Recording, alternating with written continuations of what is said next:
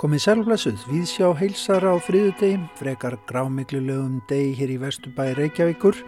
Bob Dylan, fjölbílishús, Kristóf Pendereski, undarleir tímar og ljóð fyrir þjóð í þætti dagsins. Bandaríski tónlistamæðurinn Bob Dylan sendi nú fyrir helgina frá sér lægið Murder Most Foul en það er fyrsta frumsamta lægið sem að hann gefur út í átta ár og um, já, auðvitað eftir að hann hlaut Nobelsverlun í bókmyndum árið 2016. Lægið er það lengsta sem Dylan hefur nokkuð tíman sendt frá sér, eða tæpar 17 mínútur og um, í því syngur hann um morðið á John F. Kennedy í bandarækjafósetta í Dallas í Texas fylgið þann 22. november árið 1963 en hann syngur raunar um margt, margt fleira. Margir rína í lag og texta þessa dagana og menn almennt á þeirri skoðun að lagið sé tímabært og tali til okkar hér og nú. Sjálfur segir Dylan að lagið sé gjöf til aðdáenda þakklætis vottur af hans hálfu fyrir stuðning og tryggð öll þessi ár. Farið varlega, fylgist vel með og megi Guð vera með ykkur skrifaði Dylan í stuttum pósti á heima síðu sinni um leið og hann deildi læginu Murder Most Foul með heimsbyðinni. Ég held að ykkur gæti þótt þessi söngur áhugaverður bætti Dylan við í allri sinni hóværð. Við fjallum um þetta nýjasta verk Dylans í þættinum í dag, bara hér rétt á eftir Við ætlum líka að fjalla um pólska tónskaldið Kristóf Pendereski en hann lést um síðustu helgi. Pendereski var eitt af framsæknustu tónskaldum Evrópu á síðar hluta 20. aldar en þurft að búa við reitt skoðun bæði frá sovjeskum og pólskum stjórnvöldum og katholsku kirkjunni. Við heyrum meðal annars brot úr viðtali við Kristóf Pendereski sem tekið var við hann þegar hann kom til Íslands árið 1988. Meira um þennan merkamann í Víðsjá í dag. Sigurlín Bjarni Gísladóttir, hún heldur áfram að flytja hugleðingar um undarlega tíma að gefnu tilöfni og flytur hlustendum í dag hrypningaróð auk þess sem hún fjallar um berskjöldun og vannmátt. Og hlustendur heyra líka ljóð fyrir þjóð í þætti dagsins. Einn leikari les ljóð fyrir einn gest í stóra sal þjóðlikúsins. Sendingarnar frá þjóðlikúsinu leikum við í lok hvers þáttar þessa dagana en fyrst nokkur orð um sambíli manna. Ég bý í fjölbílishúsi, eiginlega algjörlega dásamlegu fjölbílishúsi með góðum, tillitsömmum og næmum nágrunum í stegaganginum en eins og þeir vita sem búa í fjölbílishúsi og kunna að hlýða á málmitt þá er stegagangurinn framlegging af heimilinu. Ég bý raunar í svo góðu fjölbílishúsi að ég hef búið hér tvísvar. Flutti í burtu í nokkur ár en svo var það algjör vittlisa. Þannig að ég flutti hingað aftur um leiðu að losnaði íbúð. Það var góð ákvörðun, rétt ákvörðun. Auðvitað fyrst og fremst tekin að betri helmingnum. En þetta var gott og daldið eins og að koma heim. Ég skildi aldrei af hverju ég vildi fara í burtu til að byrja með. Ég er ekki handlægin og það er vægt til orðatekið, er með tóma þumla á öllum pötum.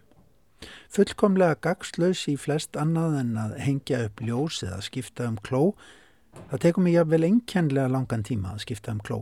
Ég skil ekkert í tímanum. Þess vegna kann ég að meta velrekið og vel skipulagt húsfélag sem að sér um sína. Heldur húsfélagsfundi eftir kunstarinnar reglum þar sem líðræðið er í hávegum haft og svín virkar.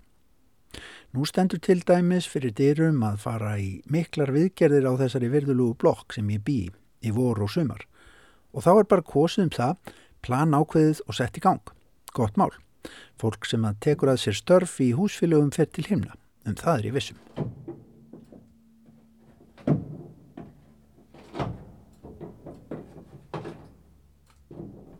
Já, mér á meðan engan draum um einbílishús. Hugmyndin um þakskegg sem þarf að gera við eða mála, dren sem þarf að grafa, leka með fram gluggum sem ég þurfti sjálfur að skipta um upp á mitt einstæmi, fyllir mig einfallega rillingi. Guðu sér lof fyrir gott fjölbílishús sem virkar.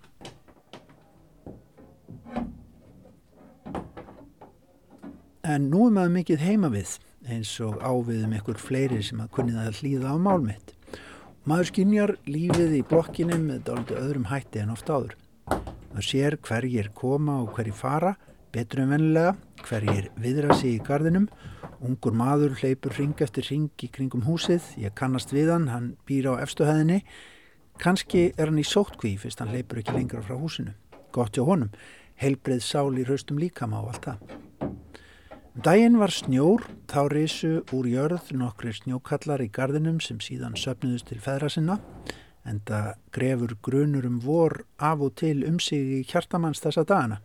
Ekkert ákveðið en samt styrkist þessi grunur með hverjum degi. Í dag var verið að sópa gödurnar hér við Hjarðarhagan þar sem fjölbílishúsi mitt stendur. Það er orðið ríflega 60 ára og er kent við kennarastjættina, kallað kennarablokkin eftir frumbílingunum sem að tóku sér saman og reistu húsið. Hér í nágrunnu er líka símamannablokk og prentarablokk. En ég er stoltur af tengingunni kennara því þar fer stjætt sem að getur haft góð og mótandi áhrif á framtíðina og gerir það líka stanslust víða um land.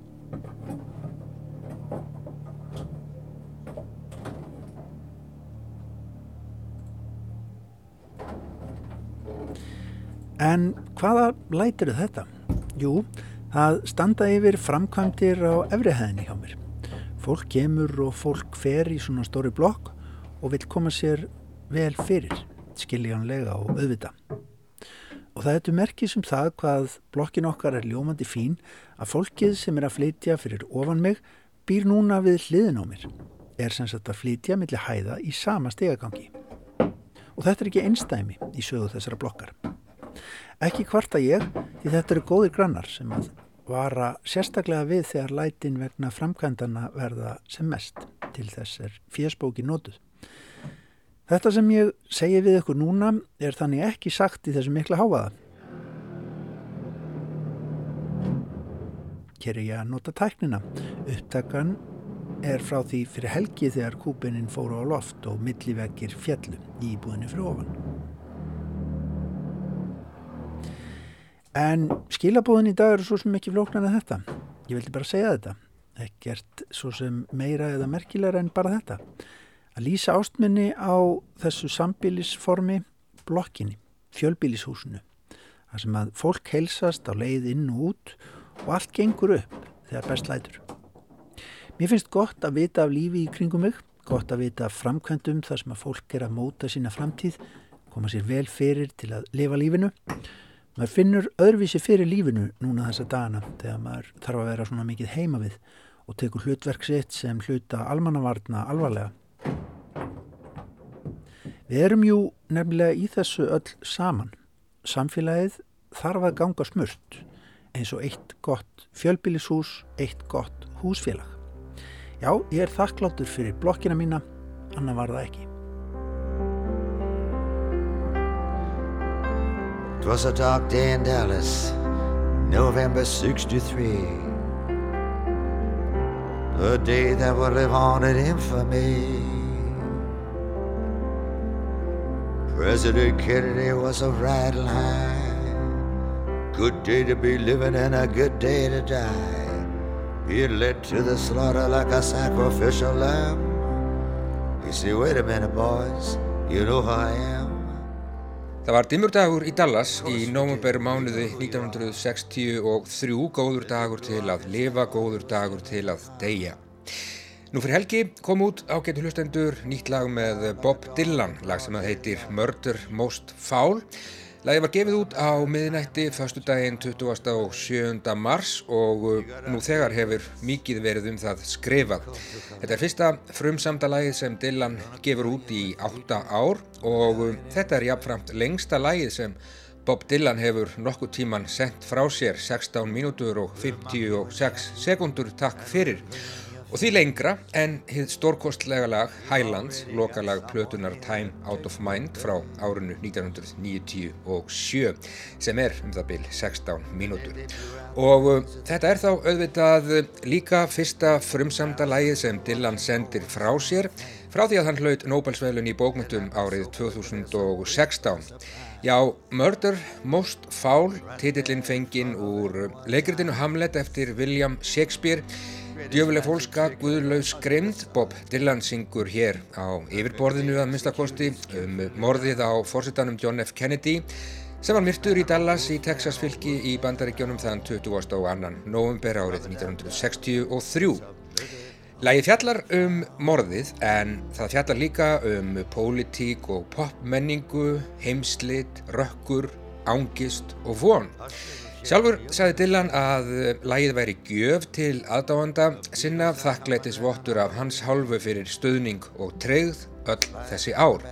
Farið varlega, fylgist vel með og megi Guð vera með ykkur skrifaði Dylan í stuttum posti á heimasíðu sinni fyrir síðustu helgi og um, ávarpaði með þeim hætti okkar eigin tíma um leið og hann deildi læginu Murder Most Foul með heimsbyðinni. Ég held að ykkur gæti þótt þessi söngur áhugaverður sagði Dylan í allri sinni hóvæð. Put your head out the window, let the good times roll. There's a party going on behind the grassy knoll. Stack up the bricks, pour the cement. Tímasetningin nú, ástæðan fyrir því að þetta lag kemur út nákvæmlega núna í lok mars mánar árið 2020, tæpum 8 árum eftir útkomu hljómplötunar Tempest, Hún er líklega engin tilviljun. Lægið er fullt af dauða og hryllingi og heimslita kend við erum komin fram yfir domstag, syngur Dylan. Domstagur var fyrir 36 klukkustundum. Lægið kemur út á háréttu augnabliki, segir gaggrinandi bandaríska tónlistartímaritsins Rolling Stone. Murder Most Foul er Bob Dylan lægið sem við þurfum á að halda nákvæmlega núna, segir hann. Þegar bandaríkin eru full af hrættu fólki, fólki sem sirgir, fólki sem mist hefur áttir. Hér er auðvitað vísað í korónu faraldurinn en yfir 3000 eru nú látnir í bandaríkjónum af völdum COVID-19 faraldursins. Bob Dylan vil láta ykkur vita að hann skinji sársauka ykkar, lægið er huggun fyrir okkur á erfiðum tímum. Þegar öll veröldin virðist úr lægi gengin getur uppáhaldslag verið það eina sem máli skiptir. Gaggrinandi Rolling Stone segir að lægið fjalli ekki aðeins um morðið á John F. Kennedy í november árið 1963 heldur um það hvernig tónlist getur huggað á erfiðum tímum. See if you can shoot the invisible man Goodbye Charlie, goodbye Uncle Sam Það verður seint sagt að eh, þessi mikið að gerast í þessu lægi tónlistarlega séð nánast ekkert. Einfaldur, hljómagangur, gæti eiginlega ekki verið einfaldari, fiðla, píano og dempað slagverk. Engin melodía, þetta er lágstemt og seiðandi og eh, svo bara þessi rödd. Hér eru það orðin sem skipta öllu máli og þau verðast renna fyrirhafna lítið upp úr okkar manni. Og já, vísanir í ótal áttir, titillin Murder Most Foul, tekinn þráðbeint og bliðunulöst frá Shakespeare eins og áður segir, Hamlet, fyrsti þáttur, atriði nr. 5, morð er guðlaus grimd í sjálfu sér, en þetta er grimmast, guðlausast og einstakt. Segir í íslenskri þýðingu Mattíasar Jokkumssonar, þetta eru orð vofunar. Og um, eins og svo oft áður þá blandar Dylan í textanum saman fortíð og nútíð, sögu og samtíma. Hann hefur æfinlega verið snillingur í nákvæmlega því að segja frá lönguleðnum atbyrðum eins og þeir hafi gerst í gær. Hann segist verið að syngja um dimman dag í Dallas í nógumbermánuði árið 1963, lýsir morðinu á fórsetanum með grafískum hætti því hvernig John F. Kennedy var leittur eins og lamp til slátrunar á dimmum nógumberdegi, skotin eins og hundur, góður dagur til að lifa, góður dagur til að deyja og svo framvegis. En hann er að öllum líkindum að syngja um eitthvað allt annað. Og já, menn tólka þennan söng Nobel-skáldsins í gríð og erg og setja í samengi við samtíðina, öll sem sannarlega er úr lægi gengin. Dylan dregur upp dökkarmyndir af grimmum heimi en finnur mögulegt hjálpræði í tónlist og menningaraförðum af ymsu tægi. Hér er Dylan, já, mögulega og ekki síst að ráðleggja fólki að leita hugunar í tónlist þegar á móti blæs. Dylan ávarpar bandaríska blötusnúðin Wolfman Jack sem naut mikill að vinselda á sjöunda áratöknum. Spilaði fyrir mig Eagles, syngur Dylan, spilaði fyrir mig Billy Joel, Fleetwood Mac, Queen, Nina Simone, Thelonious Monk, Beethoven og svo framvegis og svo framvegis. Dylan vísar til að minnstakosti 70 laga í textanum. Hann vísar í ballöður frá borgarastríðinu, tímabil sem að hann hefur löngum sótt í og verið honum hugleikið. Hann vísar í klassískar kvikmyndir, hann vísar í Buster Keaton, Harold Lloyd, Art Pepper, Oscar Peterson, Stan Getz, Nat King Cole, Marilyn Monroe, John Lee Hooker, Charlie Parker, Patsy Cline og Houdini og þar með er ekki allt upp talið. Þarna er auðlegðin sem að Bob Dylan kemur auga á í svartnættinu miðju og hann stefnir henni gegn öllu heimsins myrkri. Það er að minnstakosti ein leið til að skilja þetta. Kanski er þetta þula um rökkur heimsins, nú eða ballaða um ekki neitt. Það hefur aldrei neitt vitað um hvað nákvæmlega Bob hefur verið að syngja í öll þessi ár. Það er fegurðin, líklega veitan það ekki, sjálfur. I'm just a Patsy like Patsy Cline Never shot anyone from in front or behind Eins og áður segir, þá er lægið Murder Most Foul, fyrsta frumsamda lægið sem Dylan sendir frá sér í átta ár. Síðustu plötur hans hafa innihaldið gamla standarda meðal annars lög sem Frank Sinatra gerði fræðig á sinni tíð. Síðasta Dylan-platan sem hefur að geima frumsamið efni, áður nefn Tempest, kom út í september árið 2012. Síðan hefur ímislegt gerst Dylan meðal annars landað Nobel-svölunum í bókmyndum eins og kunnugt er. Átta ára frumsaminn þögn sem nú er rofinn, þetta er já fyrsta frumsamdalagi sem Dylan gefur út eftir Nobelsvölun og menn tólka og rýna eins og enginn sé morgundagurinn. Þetta er myrkur söngur um myrka tíð og nokkuð tórskilinn við fyrstu sín eins og skálskapur er, skrifar Guðmundur Andri Tórsson, réttufundur og alþengismadur á Facebook síðu sína. Þarna eru myrkraöflin á kreiki en líka ákallaðir ljósberar menningarinnar eins og hún horfi við honum sem ungum manni, hetjur jazzins og hins rýsandi rocks. Flutningurinn er eins konar talsöngur, skrifar Guðmundur Andri og ljær þessu áferð bænar og ákals á örlaga stundu. Já, myrkursöngur um myrka tíð, bæn og ákall á augustundu, líklega allt satt og rétt. Dylan, Mr. Mystery Man, er sagður syngja hér um samtíman með því að vísa til fortíðar, syngja um sögulega samtíð með því að vísa til sögulegra viðburða og já, hann ákallar ljósbera menningarinnar, þá sem lístu honum þegar hann var sjálfur ungur maður og lýsa honum líklega enn 78 ára gömlum. What's new pussycat, what I say? I said the soul of a nation been torn away. Sagan segir að þegar forráðamenn hljómplötu útgáfunar Columbia heyrðu á sínum tíma árið 1997 upptöku á 16 mínútna langa læginu Highlands hafið þeir spurt Dylan hvort hann ætti virkilega ekki í fórum sínum stittri versjón. Og Dylan hann svaraði að bragði þetta er stittri versjónin. Ég veit ekki hvort til er enn lengri gerð lagsins Murder Most Foul, kannski á Dylan svo sem eins og einn stundarfjörðung til viðbútar við þessar 16 mínútur og 56 sekundur sem kemur kannski út guðum að vita hvenar en gaggrinendur verðast vera á þeirri skoðun nú að lægið Murder Most Foul hafi komið út á háréttu augnabliki á miðnetti förstu daginn 27. mars árið 2020. Bob Dylan fekk auðvitað Nobelsvelun í bókmyndum fyrir að fylla heiminn af orðum Orðum sem höfðu stundum mikla merkingu, stundum alls enga, þau bara voru þarna. Hann fekk þau fyrir að halda áfram að fylla heiminn af orðum sem virka. Farið varlega, fylgist vel með og megi Guð vera með ykkur. Svona er Bob Dylan í marsmánuði árið 2020. Murder Most Foul Þetta er ekki besta dillanlag í heimi en dæmi annars hver fyrir sig. Þula um rökkur heimsins, djöfulega fólsku, guðlausa grimd eða ballaða um ekki neitt, bæn og ákall á augur stund. Hér er Bob Dylan sem líklega er nú ekki þakklátasti eða lítillátasti maður í heimi að segja takk fyrir mig og við segjum auðvitað á móti takk fyrir okkur, annað væri hreinlega ekki við hæfi. En vonandi er samt allt og snemt að segja takk fyrir allt. Play The Blood-Stained Banner, Play Moonlight Serenade, Play Number 9, Play Number 6, Play Murder Most Foul, síðast en ekki síst, Play Murder Most Foul. Þannig skrifar Dylan sig meðvitað inn í þá menningarsögu sem hann hillir í læginu vonandi er enn meira til frammi og að öllum líkindum er það nákvæmlega þannig.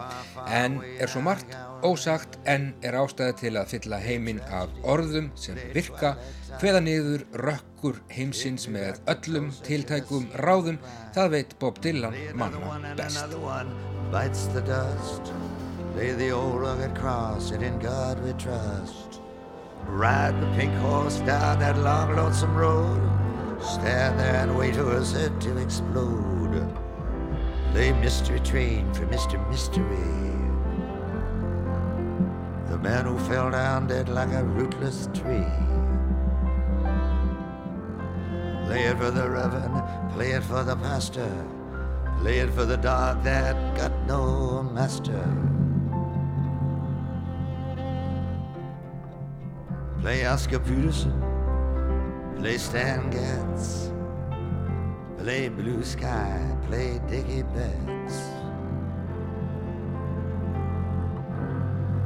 Play out Pepper, Thelonious Monk, Charlie Parker, and all that junk. All that junk and all that jazz. Play something for the Birdman of Alcatraz. Play Buster Keaton, play Harold Lloyd, play Bugsy Siegel, play Pretty Boy Floyd. Play the numbers, play the odds. Play Cry Me a River for the Lord of the Gods.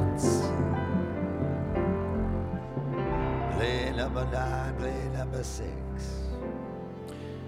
Já, Eiríkur rýndi í marathónlag Bob Stillans og sjálfur þakka ég pent fyrir þessa einsýn í læð því þráttur að vera Bob maður mikill þá var ég ekki búin að leggja í það að hlusta á nýja læð. En Sigurlín Bjarni Gísladóttir sendir okkur pislað þessar vikurnar og kallar hugleðingar um undarlega tíma. Framlag dagsins kallar Sigurlín Bjarni hins vegar Hrifningar óður og örlítið um berskjöldun og vannmátt. Við erum í storminu miðjum og erum öll jafn berskjölduð gagvart óvisinni sem umlikur allt. Berskjöldun sem kallast á ennsku vulnerability hefur mikið verið til umræðu undarfarin ár. Brenne Brán er rannsóknarprofessor sem sló í gegn með fyrirlestri sínum á TED Talk árið 2010 þegar hún talaði um rannsóknu sínar á berskjöldun, hugrekki og skömm. Að hennamati fælst hamingjan í því að hafa hugreikki til að berskjálta sig fyrir öðrum. Í berskjöldun leifi við öðrum velvöldum að sjá inn í kvikuna þar sem eitruð skömm þrýfst í lindu myrkri.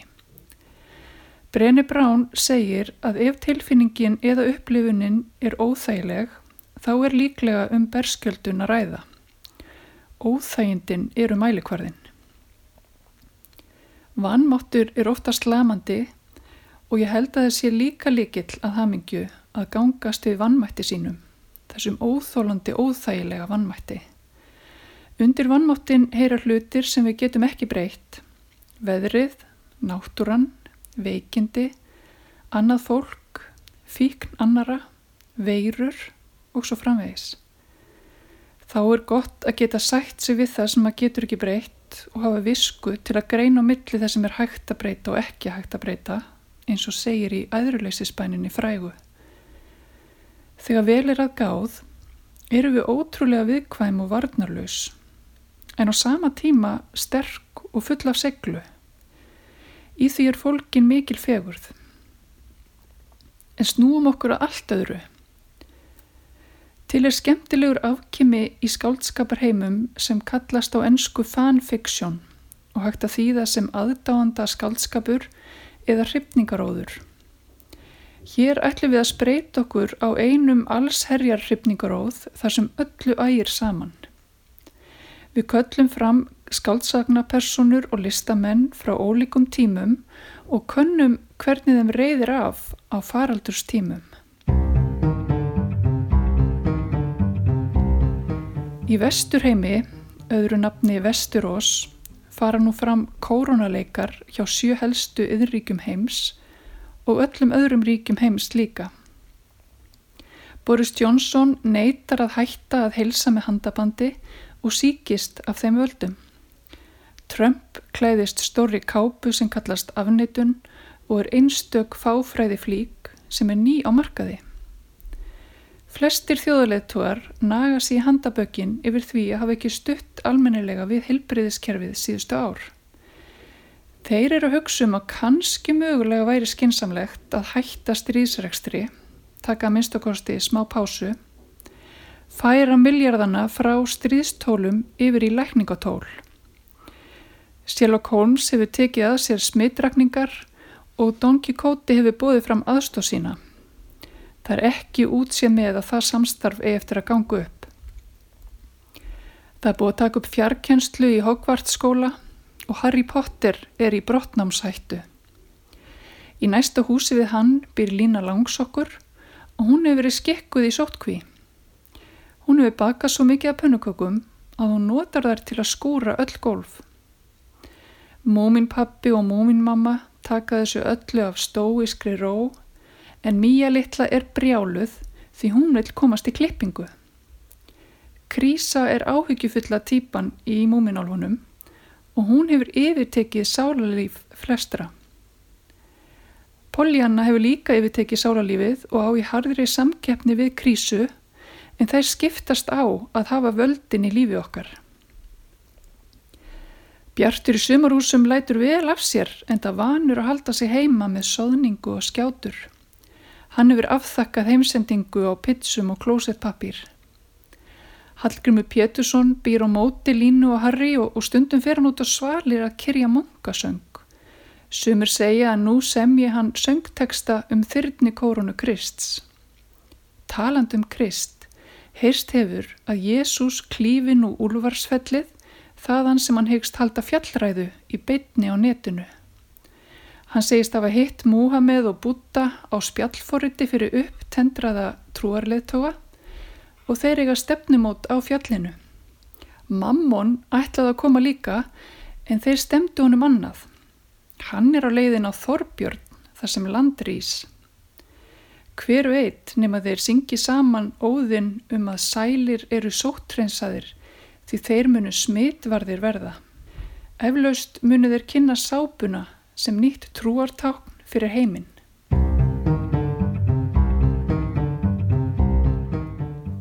Getur við ekki tróðið Elvis Presley og Marilyn Monroe inn í þetta allt saman?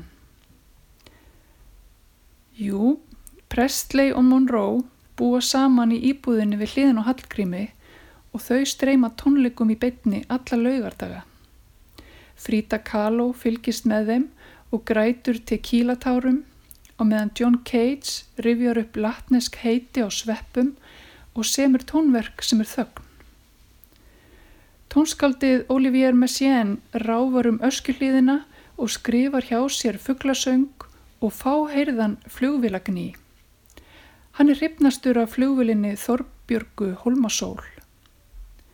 Samuel Beckett er að sjálfsögðu að setja saman verkið beðið eftir bóluefni. Bítlarnir hafa lokað sig af í einangrun þar sem engar fjallaðareglur gilda og aðdæðundur kikna í njánum við tilöksununa.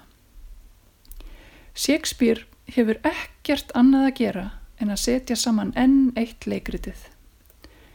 Florence Nightingale er gengin margfalt aftur sem karl og kona og allt þar á milli og vonandi, vonandi, vonandi er Elena Ferrante að raða saman ítölskum orðum. Bósi ljósár og vitti hafa lifnað við og allir bánsar í heimi flikkjast út í glukka.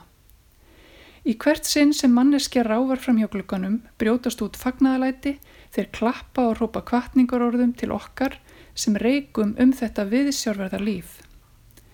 Því það getur verið svo erfitt og flókið að vera manneskja en líka ótrúlega áhugavert og spennandi.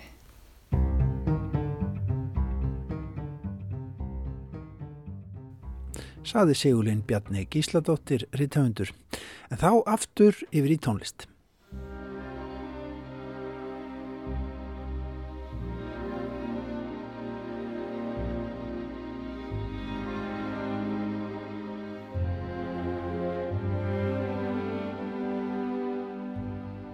the avant-garde. Not only avant-garde, even Stravinsky was forbidden because he was Russian living in America. Uh, in a capitalistic country, of course it was not played. Even Bartok is the same. He was play, living in, in New York, it was not played. So we were, this is hard to believe, you know, such, a, such time we, we have to live.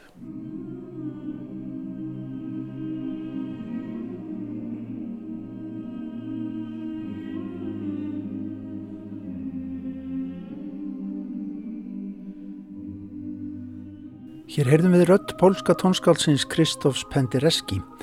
Þetta brot var úr viðtali sem danska fallega listasafniði Louisiana tók við hann fyrir nokkrum árum þar sem hann rætti á forvitnilegan hátt um tengsl tónlistarsinnar við mannkynsuguna. Um helgina bárust þær fréttir að þessi þekkti pólski tónsmiður Pendereski væri allur, 86 árað aldri. Það má vel vera að fjölmarki hlustendur hafi heyrt tónlist eftir hann, jável án þess að átta sig á því, því hún hefur verið notuð í ansi mörgum bíómyndum og sjónvastáttum í gegnum tíðina, nefnum á The Shining, Wild at Heart, Twin Peaks, Inland Empire, Shutter Island og svo framvegis og svo framvegis. Pendereski var eitt mikilvægasta tónskáld sinnar samtíðar í Pólandi og þó víðar væri leitað í Östur-Evrópu og jáfnvel Evrópu allri. Hann rætti í viðtalinu sem við grípum hér niður í riðskoðun sem hann og fleiri framsaknir tónsmiðir í austrinu bak við jártjaldið þurftu að sætta sig við á sovjettímanum ef yfirvöldum og riðskoðurum austur í Mosku líkað ekki við tónlistera. Undir hljómar kapli úr korverki sem tónskaldið kallaði þrjú verk í gömlum stíl. Þetta er afslappað og fallegt verk en ekki endinlega svo gerð tónlistar sem tónskaldið var þekktastur fyrir. Tökum annað og frægara dæmi úr höfundaverkinu.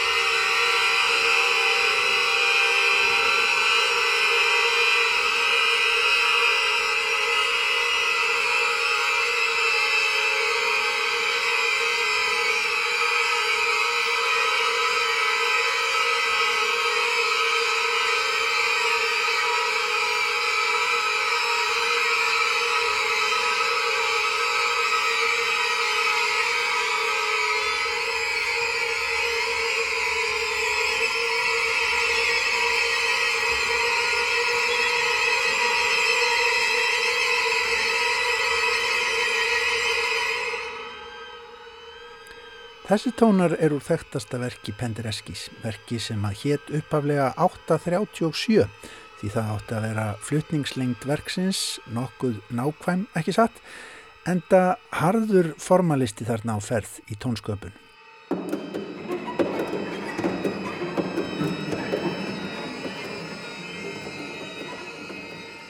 Þykk áferð verksins, klasa hljómar þess, allir í einni yðu, allir í skipulari klessu kannski, voru algjörlega útpældir. Tónskaldið vildi þegar þarna var komið árið 1961 þróa nýja gerð tónmáls, saði sjálfur að það tónmál væri aðeins til í sinni eigin ímyndun á nokkuð óhlutbundin hátt. En þegar ég heyrði flutningin var ég slegin af tilfinningalegri hlæðslu verksins að Pendereski síðar. Ég leitaði að tengingum og fyrir rest ákvað ég að tilenga verkið fórnarlömpum kjarnorkusprengunar í Hiroshima.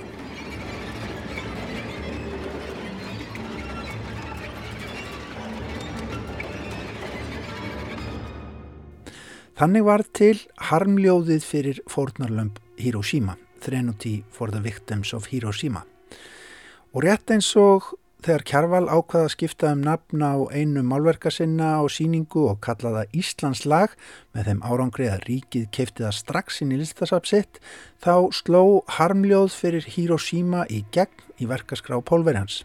Það kjarnaði einhvern veginn sjokkbylgjurnar sem að áfram gengu yfir heimsbyðina eftir að sprengjurnar sprungu austur í Japan í stríðslokk.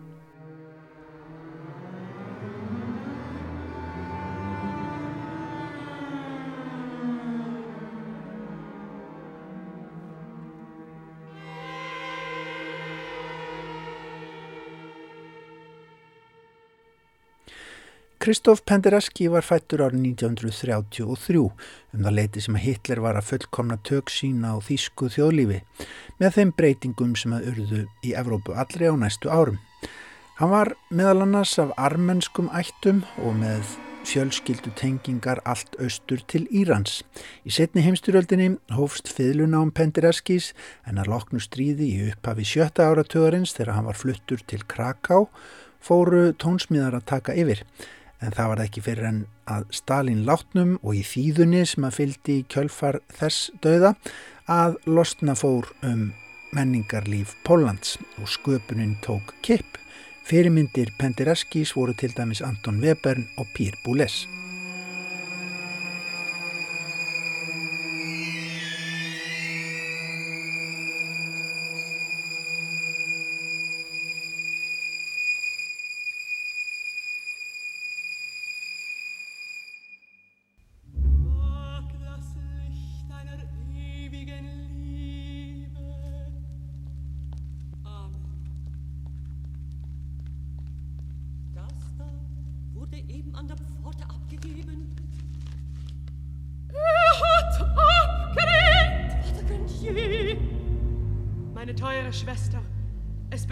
Tiefstes Bedauern, dass ich eure Einladung, geistlicher Berater eures Hauses zu werden, ablehnen muss.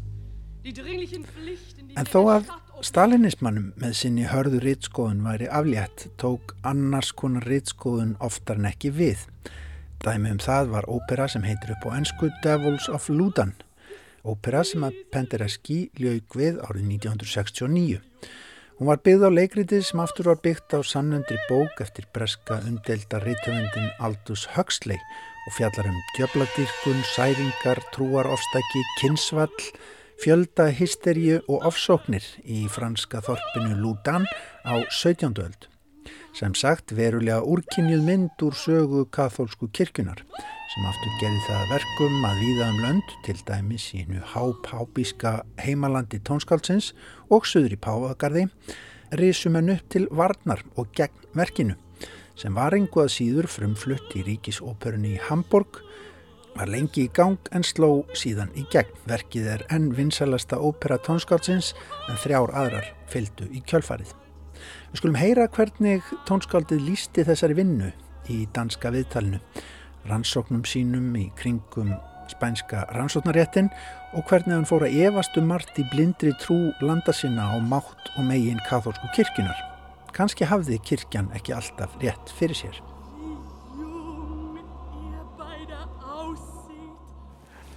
I read uh, Huxley book, um, Devils of Ludan, and it was great fascination for me. So I was also I began to search and uh, reading around this story, many books uh, about uh, also the Inquisition, of course, and uh, also uh, I discovered something which I didn't have much idea about really um, the role of the church in the in the, especially in the 17th century, 16th century. Um, I grew up um, uh, as a very Catholic family in a small city uh, in uh, south, east south Poland. Well, actually the, the criticism against uh, the, the church was not, not only allowed, but didn't exist at all. You know, it was a dogma. And after this book, actually, which opened my eyes, I changed. And uh, living in um, in uh, very Catholic Poland, which is maybe 90%, 90, they say 95, I don't believe maybe, but, but there is really something like that. I wanted to write a piece which is uh, telling the truth. And of course, this piece was also very much criticized by the church uh, in Germany. Uh, the premiere was in, in Hamburg, and two days later, or maybe one day later, in Stuttgart, the very Catholic uh, city, and the bishop wrote very angry letter to the press. The same happened in, in Poland, of course, after the, the premiere. And it was in the same time there was a premiere of Devils in Rome. So the Vatican uh, wanted me to stop the performance. No, I didn't. I didn't do it. So I, I started to have a problem with the church, of course, being very Catholic, but you know, uh, trying to to tell the truth. Já, Pendereski hjælt í katholskuna sína en vildi hins vegar segja sannleikan um fortíðina. Hann var mjög framsækin í verkum sínum langt umfram það sem að týðkaðist í heimalandi hans og löndunum í kring í Östur-Evrópu. Hann vildi eins og margir af hans kynnslóð berjast gegn stöðnun í heimalandinu og leit svo á að samtímamenn sínir heima við væru áratugum og eftir, ekki síst hvað tónlist var það.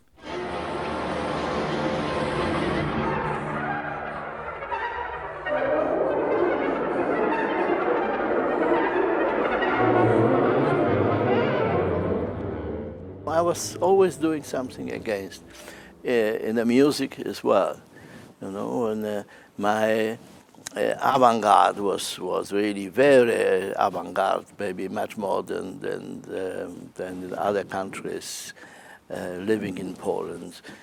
Already uh, in the, my, in the time I was a student, we were rebelling. We were rebelling, and we heard some news about uh, new music which is written in, in the West Europe. Uh, we still were in a time of, of the 20s or 30s as far as music is concerned.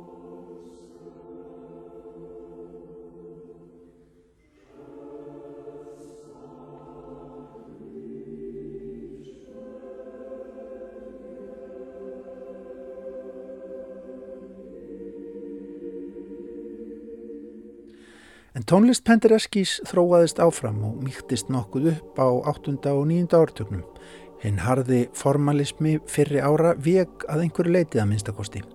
Trúaleg tónlist Pendereskis til dæmis pólska sálumessan sem að pólski stjórnmálaleðtóin Lekva Lensa pantaði á sínum tíma til að minnast verkalýs umbrótana á 8. áratögnum og TD-um eru áhrifaríkar tónsmiðar en í dag, fallegar og áhrifaríkar.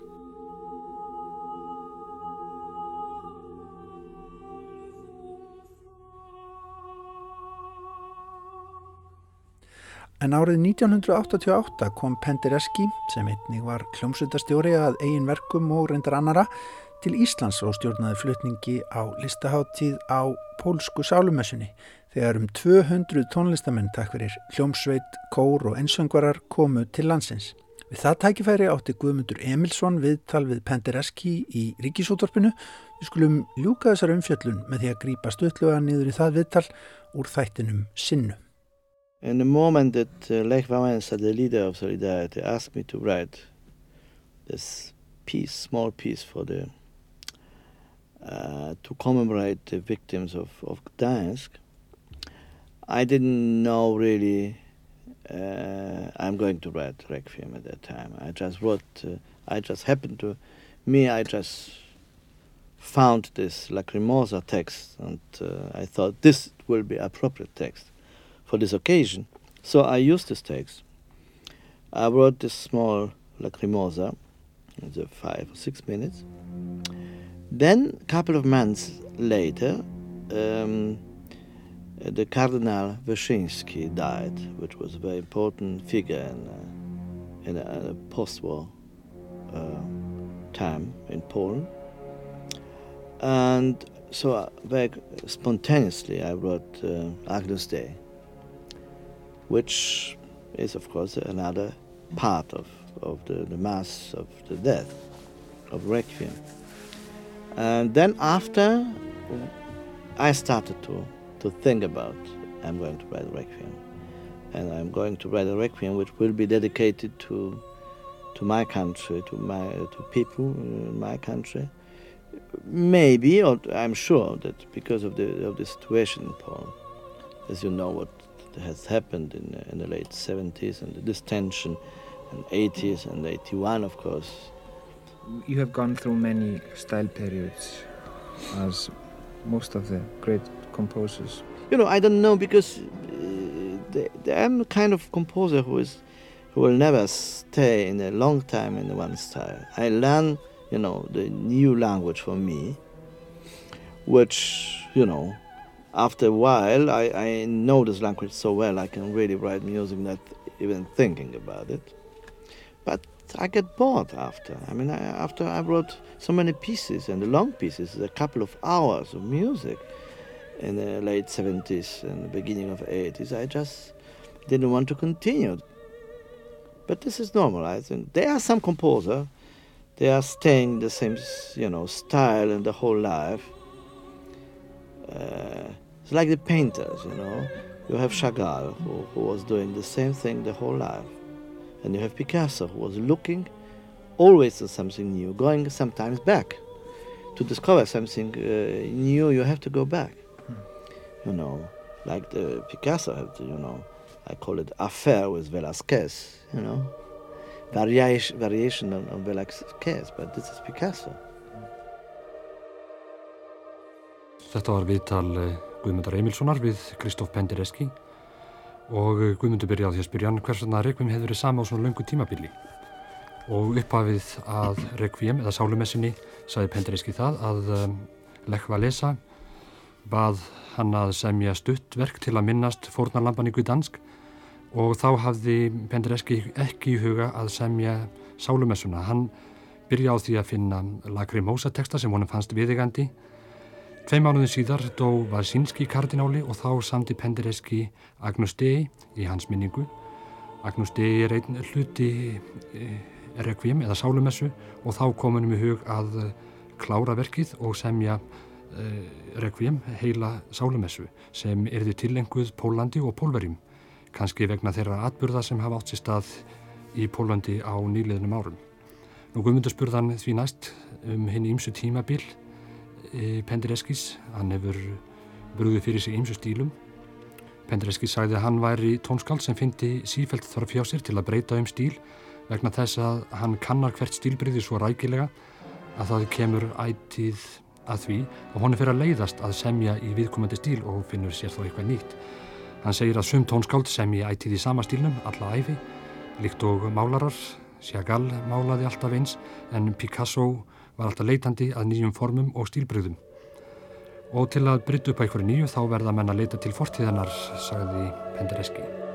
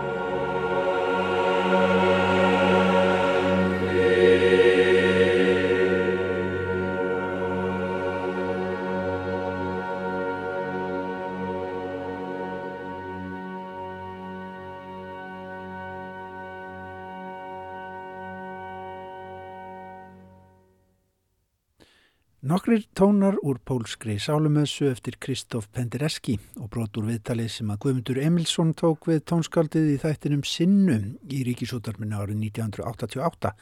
Það var Magnús R. Einarsson sem að tóka sér þýðingu á viðtalinu þann daginn. En þá heldum við áfram að njóta sendinga úr þjóðlíkusinu þar sem að einn leikari fer með eitt ljóð fyrir einn gest á hverjum degi. Við draugum tjaldið frá í stórasalnum í þjóðlíkusinu.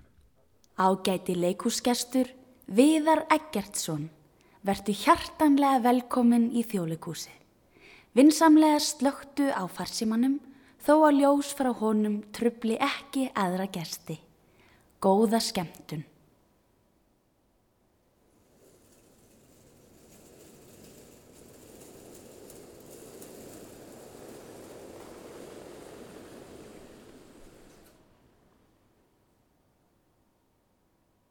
Til ofjarls míns.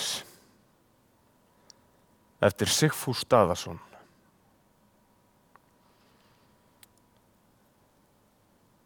Ég afhjúpaði veikleika mína fyrir þér. Nú hefur þú vald á styrk mínum. Ég trúði þér fyrir nauðum vilja míns. Þó vissi ég ekki til hvers þú hefðir þann trúnað. Sá sem segir hugsin aðhendir fjöreg sitt því lík var speki vitura kynnslóða.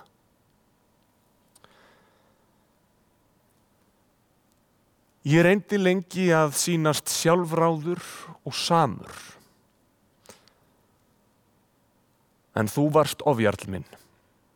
Hjarta þitt var kænt. Hversu sem þú leikur fjöreg mitt, styrk minn og trúnað. Hlýf þú mér, ég byrð þig nú, við meðöngun þinni.